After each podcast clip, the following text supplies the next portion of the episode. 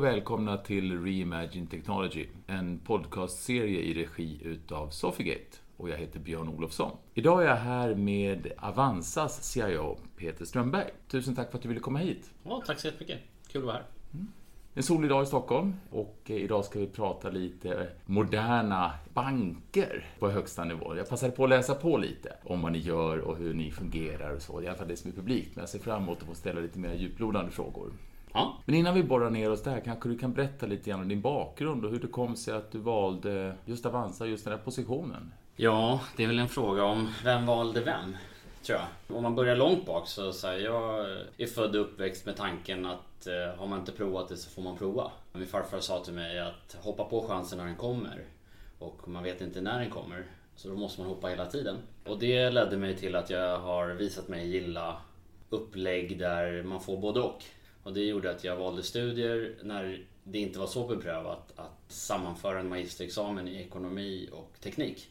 Det kallar vi idag för fintech. Det här var ju då 94. Så att jag hakade på det. Jag har fortsatt på den vägen egentligen. Det gjorde också att jag fick förmånen att träffa en fantastisk människa som heter Ann von Korsvant. Som jobbade då på OM, OM Technology och visade sig bygga och designa och sälja börssystem och clearingsystem runt om i världen. Någonting som jag egentligen aldrig heller hade hört talas om. Vilket gjorde att, vad kul.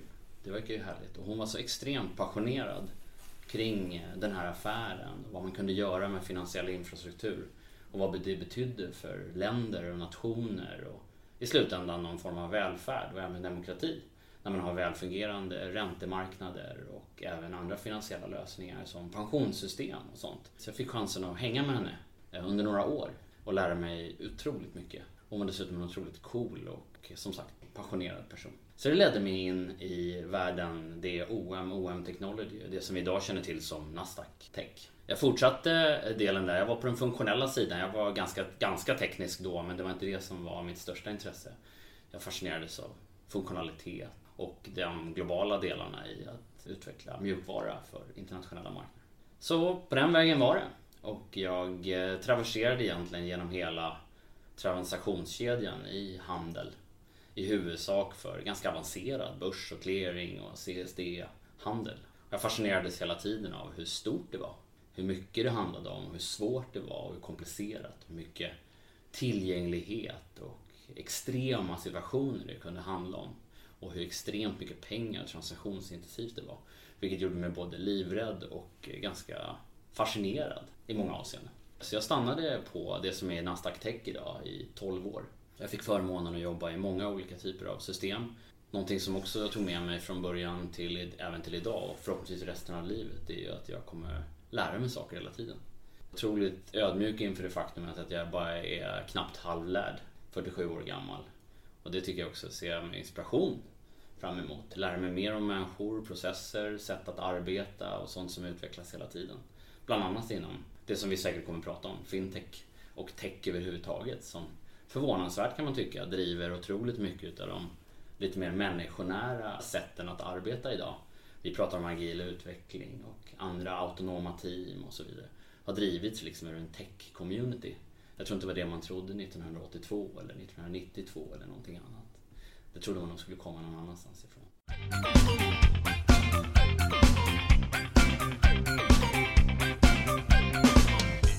Jag blev kund på Avanza redan 1999.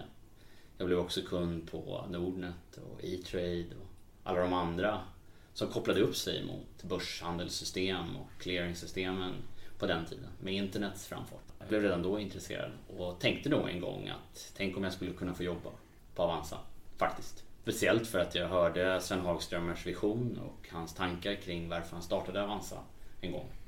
Och tyckte det lät rätt häftigt lika passionerad som Ann von Korsvant kring den delen som hon jobbade med. Var Sven kring hur, vad man kunde göra med internet och vad man kunde göra med aktiehandel på den tiden och fortsätter än idag. Och det gjorde att jag fortsatte kombinera eh, jag jobbade mer med mjukvaruutveckling, mjukvaruutveckling för andra börser och så vidare i Hongkong, Singapore, Tokyo, Australian Stock Exchange och många andra spännande marknader. Men det som fascinerade mig mest det var hur till slut var hur lite jag förstod av hur det var att drifta och köra IT operations. Och det är så sjukt obehagligt ur massa olika perspektiv. Det är bland de svåraste jobben man kan ha. Och det kommer aldrig att försvinna eftersom eh, det är ju det som håller tillgänglighet öppet. Det är det som håller användarupplevelse uppe. Annars kan vi inte beställa biljetter, vi kan inte åka tåg längre, vi kan inte göra någonting snart. Utan tillgänglighet och den användarupplevelsen. Och därför så tyckte jag att jag var Tittade mig själv i spegeln en dag, 2009 tror jag att det var, efter jag hade varit föräldraledig för tredje gången och konstaterade att jag var antagligen en ganska arrogant utvecklingschef i många avseenden. Det vill säga arrogant i perspektivet att jag inte riktigt hade själv upplevt hur det är att ta emot mjukvara och drifta den. Så då letade jag reda på en galning som eh, var beredd att anställa mig som driftschef fast jag aldrig hade varit det. Lite på min farfars tanke att prova någonting som jag inte provat. Hoppa på någonting som jag aldrig hade testat. Eller för den delen var ganska ovanligt för en utvecklingschef. Sjukt plågsamt. I ena sekunden så skulle jag stå och dividera med någon huruvida de ville ha en eh, senaste iPhonen för intern IT och nästa sekund skulle jag jobba med ett avtal på 130 150 miljoner på en ny datorhall någonstans i skogen. Som det oftast handlar om. Och det var otroligt dynamiskt och man är aldrig bättre än sin senaste incident. Spännande, kul och ganska obehagligt, ärligt talat. Men å andra sidan med min bakgrund att jobbat i extremt tillgänglighetsintensiva verkligheter i många delar av världen och också i London att suttit på en börs där. Så tyckte jag att det lät superspännande. Så jag tog den chansen och var där i fyra år. Från det då så fick jag ytterligare ett ben att ha varit mjukvaruutvecklingschef. Fick chansen att jobba med drift under fyra år och allt vad det innebär. Och jag tror inte att jag kommer ha ett sånt plågsamt jobb någonsin igen. Men man vet ju aldrig. Vi får se vad man hoppar på någon gång när man blir ännu äldre än vad jag är idag.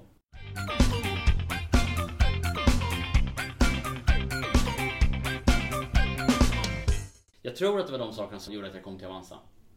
Man såg Martin Tivéus som fick fatt i mig och rekryterade mig till Avanza han såg den här kombinationen. Ovanligheten i att ha varit både utvecklingschef och driftschef. Men kanske framförallt den kulturella resan som jag tycker är superviktig och den, de värderingarna som finns på Avanza.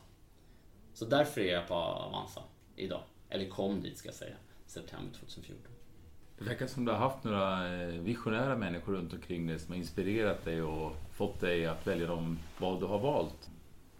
Har det varit viktigt för dig?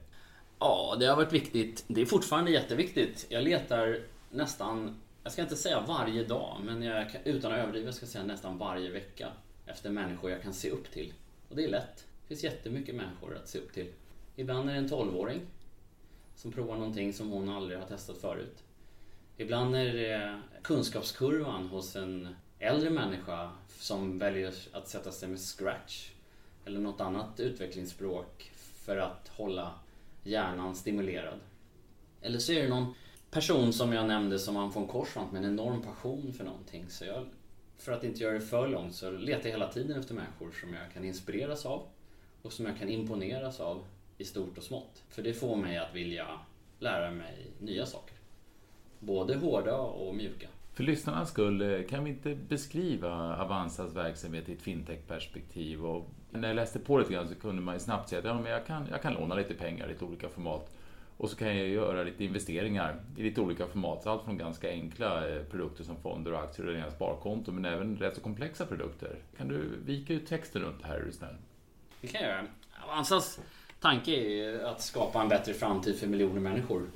Det har den väl på ett sätt alltid varit, men i början, vi har ju varit digitala från början. Det var så det startade. Att koppla upp sig och handla aktier. Så vi var ju i början en ganska mycket mer av en nätmäklare. Men nu finns det ju bara så många aktienördar i Sverige på den nivån som kan vara intresserade av det. Och eh, ju mer ju duktigare vi blev på användarupplevelse och eh, alla de här delarna så ju mer intressant blev det att bredda det här mot liksom nya kundgrupper, kunddelar. Då har Avanza växt. Massa olika. Vi såg att vi kunde göra saker och ting som andra inte gör. Och det har ju varit våran både paradgren och intresse och ligger liksom i affärsidén att kan vi inte göra det bättre än någon annan då struntar vi i det. Det där är ju alltid lite svårt att definiera men för oss har det varit en viktig drivkraft i massa olika avseenden. Det vill säga, tror vi inte att vi kan göra det billigare, bättre och enklare än många andra då ska det bättre att vi struntar i det. För då finns det ju otroligt många aktörer som kan göra det, fortsätta göra det istället för oss. Men en dag så står ju stjärnorna rätt. Och då startade vi en Avanza Zero. som ingen annan. Och det är ju fortfarande en väldigt känd produkt för många i all sin enkelhet. Det vill säga en fond som inte kostar någonting. Eller för den delen andra saker som vi har släppt. Som vi har ibland varit först på eller varit, ibland inte först på, men vi har tweakat det på ett sätt som vi tycker att det blir billigare, bättre och enklare. Eller av någon annan anledning vi kände att så här, det här är tillräckligt annorlunda för att det ska vara relevant för fler kunder än någonsin på Avanza. Så det fortsätter vi att göra. Och folk förundras ju fortfarande och det kan väl inte avslöja sig jättemycket kring men varför vi fortfarande inte har transaktionskonton och kort och hela den här biten. Men det är ju jättemånga som innoverar kring det. Det kallar vi också för fintech idag. Det är ju en definitionsfråga. Det är ju, betalningstromben här är ju enorm. Vi har ju allt ifrån liksom Kivra som har lanserat betalningar till liksom Revolut till N26 har inte klivit in i Sverige än men, men, men liksom, det finns ju otroligt många aktörer på den här marknaden och från ett Avanza-perspektiv så gäller det ju också att inte vara så ängslig. För vi skulle ju kunna haka på ganska mycket saker. Både med vilka vi är, vilken kompetens vi har och vilket varumärke. Men vi väljer ju ibland att inte göra det. Det är inte lätt. Det är väldigt lätt att sitta inne på Avanza och känna, fasen kanske skulle vi göra det där. Blockchain är ett sånt exempel som många pratar om. Molntjänster skulle kunna vara ett annat och så vidare och så vidare. Det är lätt att dras med. Man kan vara framtidsspanande och jobba med ny teknik och alla de här sakerna. Men man måste också vara ganska försiktig så att man inte trasslar in sig i eh, just eh, att bli ängslig. Vara både så stolt och mogen i vilken kunskap man har och vilka val man gör. För annars riskerar man att satsa på saker lite för tidigt ibland. Så kan ju AI vara ett, ett exempel på. Mm. Inga pratar ju så mycket om AI som bankerna gör idag. Och vi blev faktiskt inbjudna till Grand Hotel här för något år sedan och pratade, så vi skulle prata om AI och jag tackade nej. Jag sa rakt ut att vi sysslar inte med AI. Av den enkla anledningen att vi har ganska mycket att göra på dataplattformen vi bygger sedan länge som bygger på Kafka, open source och hela de bitarna. Den personen blev ganska förvånad tills jag beskrev just varför vi tänker så här. Det är många som säger att de jobbar, på, jobbar med AI men i slutändan så är det inte det de har. De har knappt maskininlärning.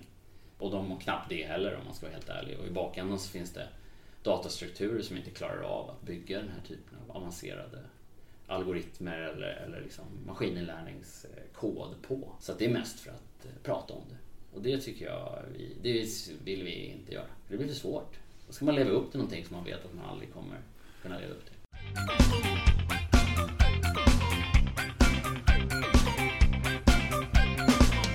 Det öppnar ju upp lite mer perspektiv runt finans generellt nu. Jag tänker det finns ett antal riktigt stora etablerade traditionella spelare utan att nämna några namn. Och sen mm. så finns det ett antal onlinebanker inom fintech och så finns det några, kan man säga, lite ny nisch med, med rena robotförvaltare som också kanske då slår på stort med AI och machine learning och, och, mm. och så vidare. Mm.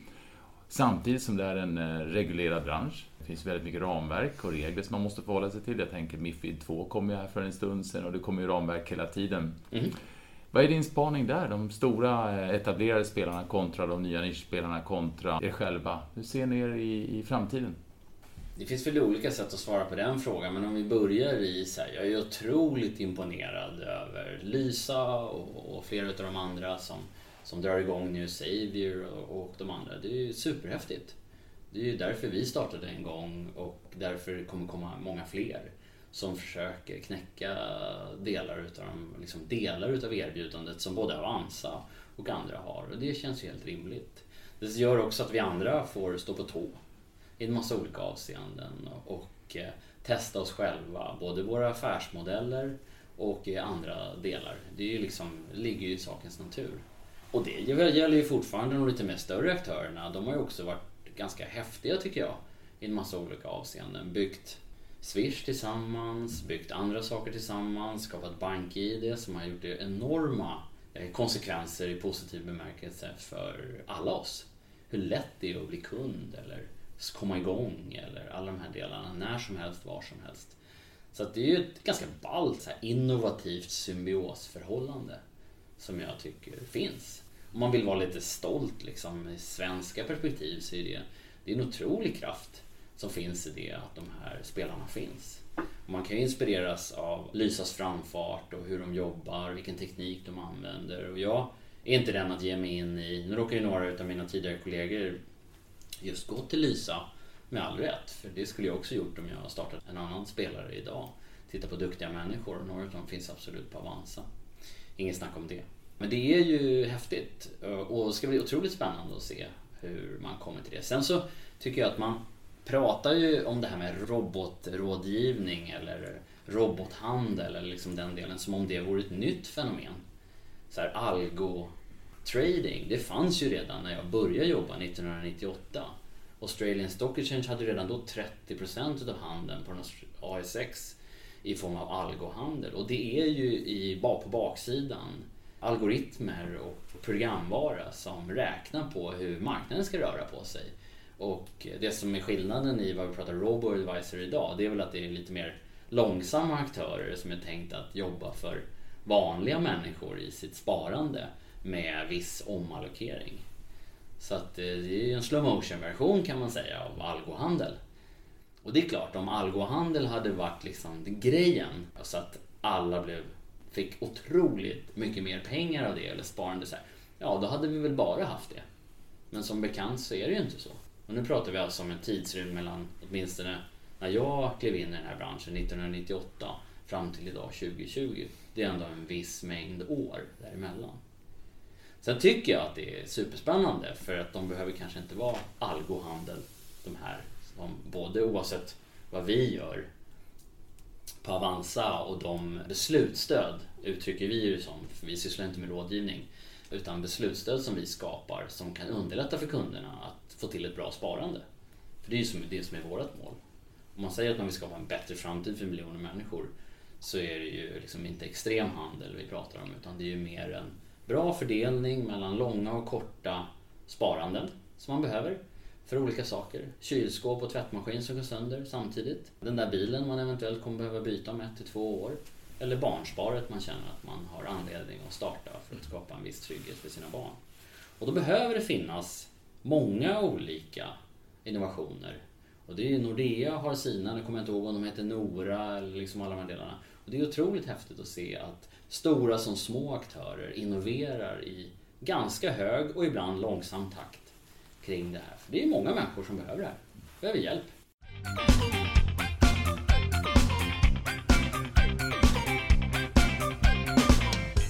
Och det är en lite sund trend för att det skapar en eh, väldigt transparens på marknaden. Ja. Bolånemarknaden är ju helt transparent idag. Om du inte har rimliga villkor och en väldigt låg prispunkt, då är du ute ur marknaden. Och när det gäller aktiehandel, jag tänker på både Lysa och Fundler och några andra. Mm. Det är klart att de har en, en otrolig kostnadseffektivitet och noll teknikskuld dag ett. Mm. Så det händer någonting och lite grann är det väl till fördel för oss konsumenter antar jag. Det är klart att det är det. Det är det jag menar. Det är, det är den sunda delen. Men vi inspireras ju av det också. Och mår lite dåligt. Alltså det måste man ju erkänna. Det är klart att här, när det händer grejer eh, och de släpper saker, det är klart man mår lite dåligt. Men det är, sånt skapar ju också en kraft och en energi att vilja göra någonting ännu bättre. Alltså det sticker inte jag under stol med överhuvudtaget. Det finns ju dagar när jag vaknar upp också och känner så här, shit, vad hände det där? Kom de på, släppte de det där nu? Kändes ju lite tidigt. Gud vad tråkigt. Samtidigt som jag säger, ja, fast det är ju ganska häftigt. Det där kan ju vi bygga också, eller vi kan bygga vidare på tanken. Vi skulle kunna göra det lite bättre om vi filar på det. Det är ju en så collaboration management, även om det såklart är, är en konkurrens. Men eh, det är coolt. Mm. Och Sverige ligger långt fram. Ja, det gör de. Mm. Vi ligger långt fram. Det är ju häftigt också. Det finns många andra världsdelar som, som eh, också ligger ganska långt fram. Australien är ett utav dem. Där händer det otroligt också mycket på fintech-sidan. Lite långt bort, men eh, ändå nära eftersom det kan vara användas var som helst, när som helst helt digitalt. De är också duktiga på betalningar så vi fick mycket inspiration att hämta i Australien för det. Man behöver inte bara kolla i de närliggande länderna.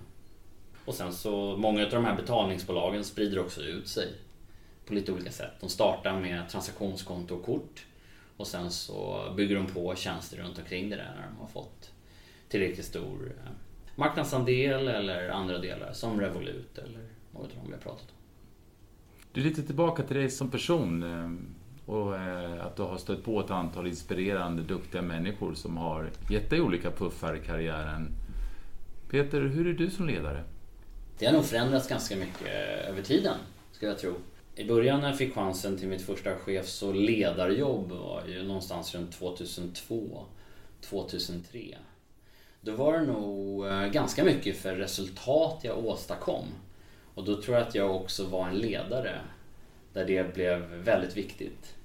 Över tid så blev jag mer eftertänksam vad det gällde mitt ledarskap och kanske tänkte lite mer kring vem jag var, vem jag är och vem jag vill vara gentemot andra. Och framförallt titta på den mänskliga delen av att leda eller ledas och vem som gör det. Sen så har det dessutom, tycker jag, varit otroligt spännande att följa mängder utav eh, utveckling som har skett inom det här området. Dels vilka kulturer som finns på företag, vilka kulturer man säger att man vill ha på företag. Jag har också i mitt eget ledarskap, som brukar utvecklas genom en hel del självinsikt, i det fina ordet på att bara säga att andra berättar för en att man inte är så bra som man tror att man är. Och det kan man ju växa mycket av. Man kan också bli irriterad eller ledsen eller arg men man kan också växa väldigt mycket och lära hur andra människor uppfattar en. Och eh, hur man ska jobba med det, jobba med sig själv. Och också lära andra att göra detsamma. Vad det bygger tycker jag, som är intressant för mitt ledarskap idag, det är hur man bygger team. Jag stod igår och pratade inför några i ett sammanhang att eh, när jag gick i skolan på universitetet så pratade man systemintelligens. Och den enda systemintelligensen definierades som då, det var teknisk systemintelligens. Medan vi idag ser det som nästa generation ibland av emotionell intelligens.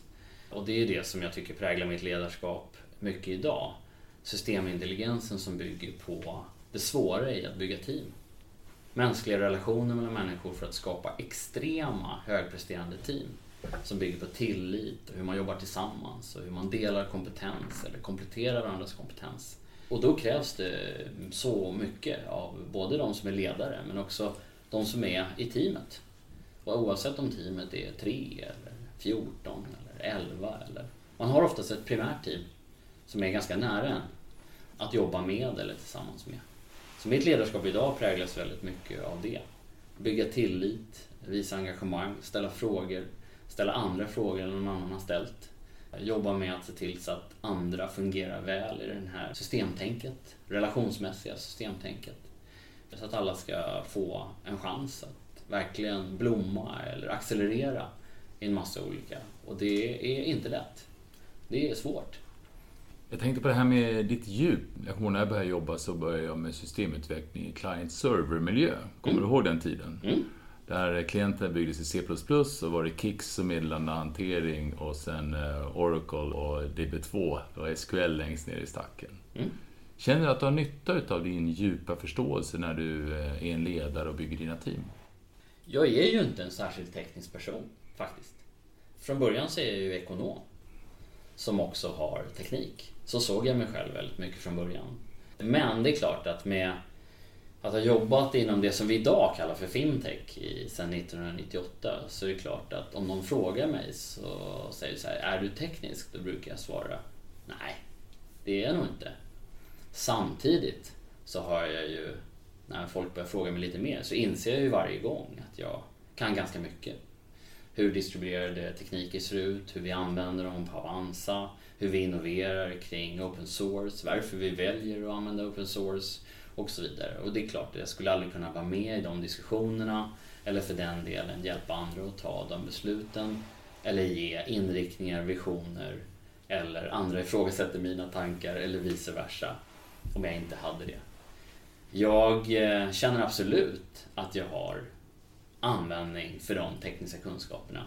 Bland annat genom att jag idag sitter framför dig och relaterar till systemintelligens på två helt olika sätt. Men de går ju att sammanfläta. Teknisk systemintelligens betyder någonting och den betyder någonting annat 2020. Men det finns ganska mycket eh, saker som är samma. Vad det gäller. För man kan prata team och människor men man kan också prata komponenter och relationer och kommunikation. Och det kan du välja att prata om i mjuka termer och du kan lika gärna välja att prata om dem i hårda termer. Och det ena var 1999 sannolikt i en föreläsningssal på ett universitet och det andra är 2020 idag. Så det är klart att jag har det.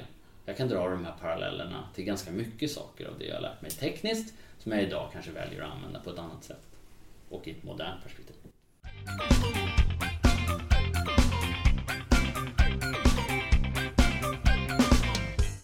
Du, eh, vad ligger högst upp på din agenda nu 2020? Du frågar ju mig på en fredag som har kantats av de senaste två veckorna med början på sportlovet av ett eh, coronavirus som absolut har en virusdel i sig men från finansiella marknaderna så skakar det ju rejält.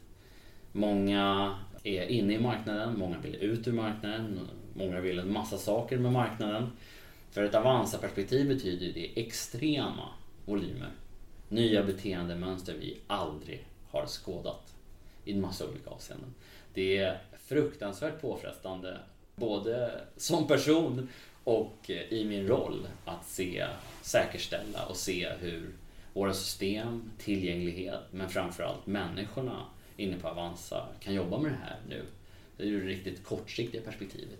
Vi har ju alltid jobbat med kapacitetsplanering och de bitarna på korta liksom, bogar och förändra, förbättra och så vidare. Men beteendena förändras också nu och kanske kommer göra under lång tid för hur man ser på börsen. Om man bara går tillbaka till 2008 och Lehman-kraschen och hur det påverkade aktiemarknaderna och sedermera sparmarknaderna, fondmarknaderna globalt. Så vet ju ingen idag hur det här kommer påverka, faktiskt. Och det betyder ju att vi på Avanza och min vardag och mina prioriteringar flyttas runt lite. Jag behöver vara ganska anpassningsbar här framöver för att förstå vad det är som gäller. Det enda som är glasklart det är ju att vi måste prioritera och säkerställa så att kundernas kundupplevelse fortsätter att alltid vara i främsta rummet. Och jag erkänner varenda dag att ibland misslyckas vi. Ibland blir det vissa saker som inte fungerar som det ska och det är supertråkigt. Men vi gör allt vi kan för att säkerställa att det ska göra det. Och vi ser mönster som sagt som vi aldrig sett förut. Och det behöver vi försöka spekulera i vad vi kan se framåt. Så med mina kollegor och många andra blir ju prioriteringarna först att säkerställa det. Så maximal tillgänglighet för våra kunder och en fantastisk kundupplevelse. Vilket kanske gör att vi behöver vara lite mindre offensiva i vad vi lanserar i övrigt. Det får vi se. Vi kan också göra sånt som inte påverkas så mycket av volymdelar och så vidare. Precis som du själv uttryckte här från början så kanske bolån är en sån. Du sa själv, eh, jag kunde ha sagt det också, men bolån är väldigt mycket en prisprodukt. Den är ganska enkel när man väl har den. Då är det bara räntan som gäller. Men å andra sidan finns det mycket att innovera kring inom bolån. Upplevelsen kring bolån är ju inte helt fantastisk i många avseenden. Det går ju att digitalisera så mycket mer. Vem vet, vi kanske vill ha bolån när vi står i den där lägenheten som vi helt plötsligt kände att där ska nog sängen stå. Den typen av time to market på ett bolån kanske vi bara drömmer om idag men kanske kan se lite längre fram.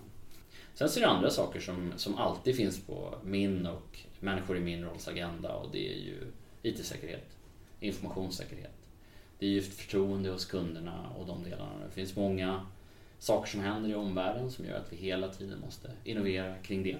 Tänka vad som är nästa steg och vad vi behöver skydda från vem och på vilket sätt och vilka attackytor som finns. Otroligt spännande områden. Vi kommer fortsätta som Avanza alltid har gjort och bygga vårt legacy. Man brukar säga ibland till mig att eh, det är lätt för er att säga som är ett ungt bolag. Men om man startar 99 så är vi ju inget ungt bolag. Om vi hade betett oss som många andra vad det gällde gammal programvara och mjukvara då hade vi sett ungefär likadana ut idag. Som många andra. Hade vi också haft sådär gamla system.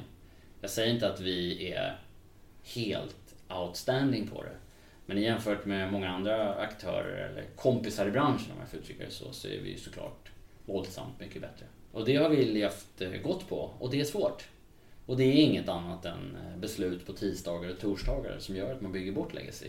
Det måste ledarskapsmässigt, tekniskt ledarskap men framförallt komma från alla organisationer. Att man köper in på det och gör det. Så det blir också ett eh, prio. Man kan kalla det bara för att framtidssäkra Avanza för Avanzas kunder. Och sen den sista grejen som jag tror på hur vi än vrider och vänder på, men det beror också på vad som händer i marknaden och vad vi behöver fokusera på där. Och det är ju beslutsstöd. Du har ju själv varit inne på det. Jag blir ju lite ängslig av Lysa. Jag blir ju lite ängslig av eh, andra aktörer. Jag erkänner det. Men det är också kul. Det är ju meningen. Något annat vore ju konstigt. Jag kan ju inte sitta här och inte, inte ens när jag är tillbaka på kontoret och vara arrogant och säga men Avanzas varumärke är så starkt. För det kommer bli det sista jag säger. Vi måste ju vara på tå. Så att beslutsstöd och vad som kan komma framåt för att hjälpa människor till sparande placeringar som är bra för dem. Det kommer vara relevant. För alltid. Tusen tack Peter. Insiktsfullt, rätt, djupt. Det här är eh, Reimagine Technology, en podcastserie i regi utav Sofigate och jag heter Björn Olofsson. Tack ska ni ha.